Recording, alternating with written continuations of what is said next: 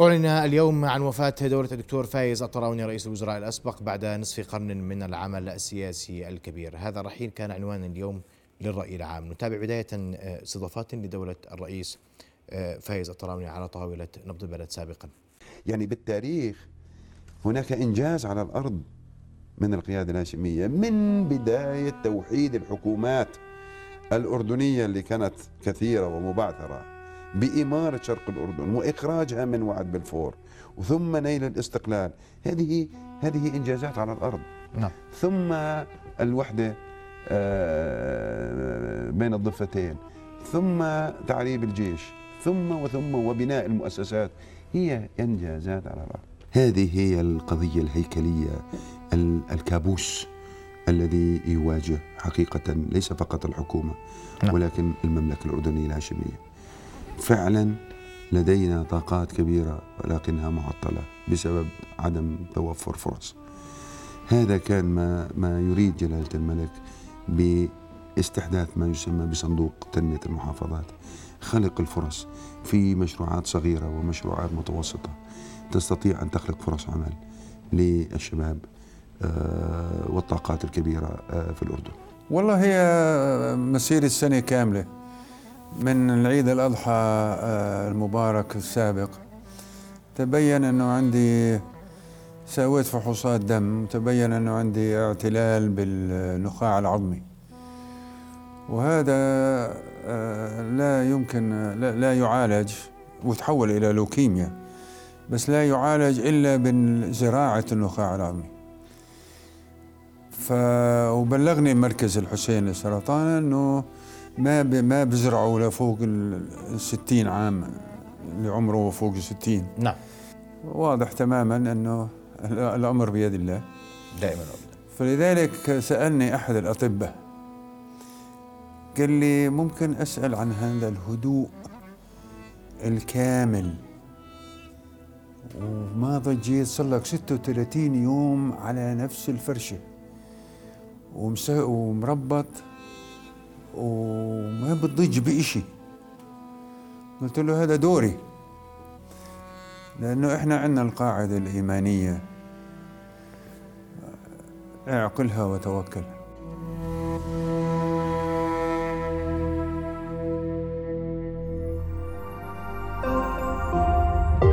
رؤيا بودكاست. رحم الله دولة فايز الطراوني أرحب بضيفي ليلى الأستاذ سميح المعاطي الوزير الأسبق. مساء الخير أستاذ سميح. مساء النور أهلا بك. عملت إلى جانب المرحوم فايز وكان رجل دولة لنصف قرن من العمل السياسي المستمر. أسمع تعقيبك لو سمحت. أنا أولا بدي نتقدم بالعزاء لأهله وأسرته ولكل الناس اللي بعز عليهم يعني. أنا اشتغلت بمعية دولة أبو زيد في حكومة 2012 كنت وزير إعلام.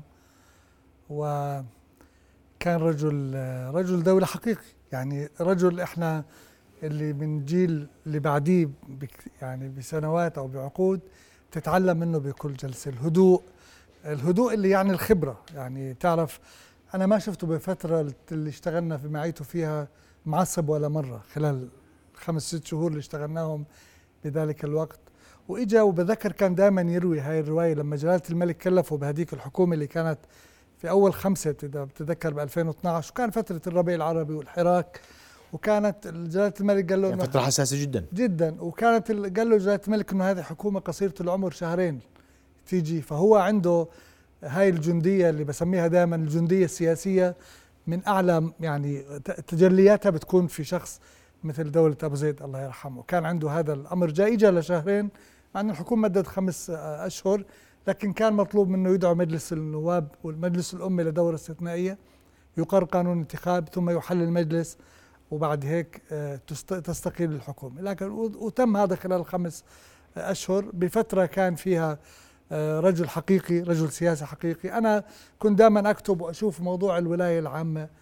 شفته بمارسها حقيقة بس بعقلانية وبإيمان بكل مؤسسات الدولة مش بتشنج. يعني ما كان متشنج تجاه مثلا مؤسسات الدولة الأخرى. وأنا إذا بروي لك حادثة يعني واحدة من الحوادث كان في قرار اقتصادي مهم وكان في اجتماع وكان هو موجود وكان موجود الله يرحمه أيضا فيصل باشا الشوبكي كان مدير مخابرات وزير المالية كان موجود أنا كنت حاضر وكان القرار وكان رأي آه، فيصل باشا الله يرحمه إنه إنه إحنا ضد القرار أو نرى لا نرى في مصلحة لكن الرئيس أخذ قراره بذلك الموضوع بشكل يعني آه، مؤسسي وبهدوء ما كان متشنج. تجاه هاي المؤسسه كان يحترم المؤسسات. ما كان كان يفرح لما إحنا الفريق اللي معه آه، كان ينجز. يعني كان أنا بتذكر حادثتين. على الأقل هذول لسه ببالي كان يجي على الاجتماع يكون جاي من لقاء مع جلالة الملك. لما يدخل على مجلس وزراء في وحدة كانت تخصني وحدة بتخص زميل آخر مش متذكره. لما بيفوت ويكون سامع كلمة إيجابية من جلالة الملك بيفوت بيقول فلان اليوم جلالة الملك قال عنك كذا وكذا. وبكون سعيد إنه واحد من وزرائه واحد من فريقه آه، كان محل إعجاب أداؤه كان محل إعجاب آه، جلالة الملك. وما كان عنده زي ما كان ممكن تلاقيها ببعض الحكومات إنه غيرة من وزرائه يعني كان يعتقد إنه أي إنجاز عند الوزير من وزرائه هو إنجاز الحكومة. ما كان يحس بهاي المنافسة كان يحس إنه قبل الجميع إنه هو مظلة الجميع ما كان ينفعل ابدا بالنقاشات وما كان مسيطر لكن كان يعني الخبرة فائض الخبرة كان موجود في كل الحوارات وفي كل القضايا اللي بيديرها وبتعرف كنا فترة الأزمة السورية بداياتها بدايات تشكيل أو إنشاء مخيم الزعتري آه، كانت الحدود فيها قضايا كثير يعني الحدود والقذائف وكانت فترة الربيع العربي والحراك وقانون انتخاب جديد. كانت قصة معقدة لكن هذا الرجل يعني رحمه الله كان غايب الهدوء. ودائما لذلك أنا صرت يعني واحد بعد تجربة بتعلم من من مثل هذه القامات إنه الخبرة بتولدك حالة ثقة بالنفس بتولدك خبرة خبرته الطويلة بالعمل مع جلالة الملك. ولما كان يحكينا دائما عن الفترة اللي آه، توفى فيها جلالة الملك حسين الله يرحمه وكيف أدارها. كتابه بين عهدين. آه يعني اللي هو الفترة بتعرف وكان رئيس الوزراء أهم شخص. ممكن لو كان رئيس وزراء يعني خبرته قليلة أو كان مهزوز بهذيك المرحلة الأمور ما بتكون آه، بهذا الشكل. فالحقيقة هو زي ما بقولوا قامة وطنية وقامة سياسية صحيح. وهذا ما بتعرفه إلا لما تقرب عليه كثير وتشوف قديش أنت بكل حركة بتستفيد منه بشكل آه، كبير. ودائما بشجعك كشخص بتكون تشتغل بمعيته ودائما بعطيك قوة دفع وبذكر إيجابياتك مش من نوع في بعض التجارب بتلاقي الشخص أي بكون الرئيس عينه على كانت مرحلة صعبة رئاسة جدا. الحكومة الأخيرة. كان كانت هذه هذه الحكومة كانت من أصعب المراحل وزي ما قلت لك شكلت مرحلة مفصلية. جدا. كان هو قانون الانتخاب أقر في حينها كانت بعد استقالة حكومة عون الخصاونه وكانت هذه هذه المرحلة اللي كان عليه ينجز لأنه كان جلالة الملك بيشوف إجراء الانتخابات واحدة من الرسائل المهمة اللي ترسل للعالم أن الأردن في هذه المرحلة القلقة كانت بالإقليم وبالعالم العربي الأردن بلد قوي قادر على إنجاز عمليات سياسية مهمة زي الانتخابات رغم وجود بعض المقاطعة من بعض من إحدى القوى السياسية وأنه الأردن قادر أنه يعدي هذه المراحل بعد إجراء التعديلات الدستورية وقانون الانتخاب والآخره فالرجل إجا بمهمة مهمة جدا وأداها بجندية سياسية عالية ورغم قلت لك كل الضيق اللي كان بالمرحلة كان مرحلة اقتصادية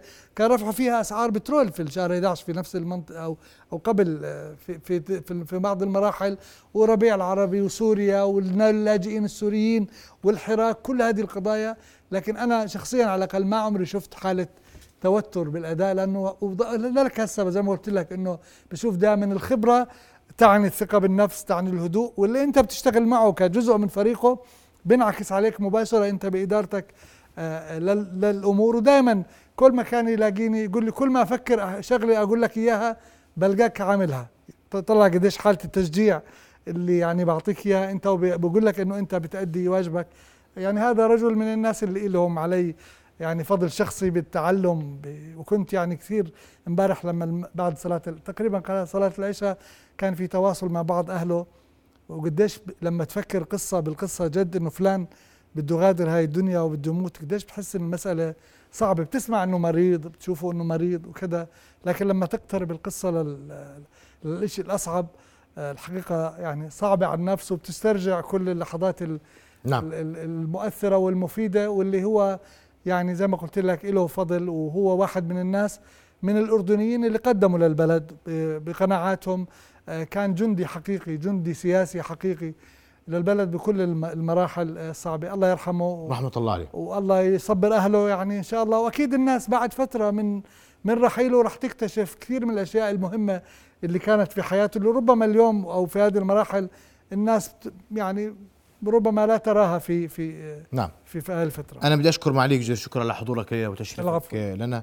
آه، مرة أخرى نترحم على دولة الدكتور آه، فايز طروني رئيس وزراء. الأسبق الذي توفاه الله فجرا. رؤيا بودكاست.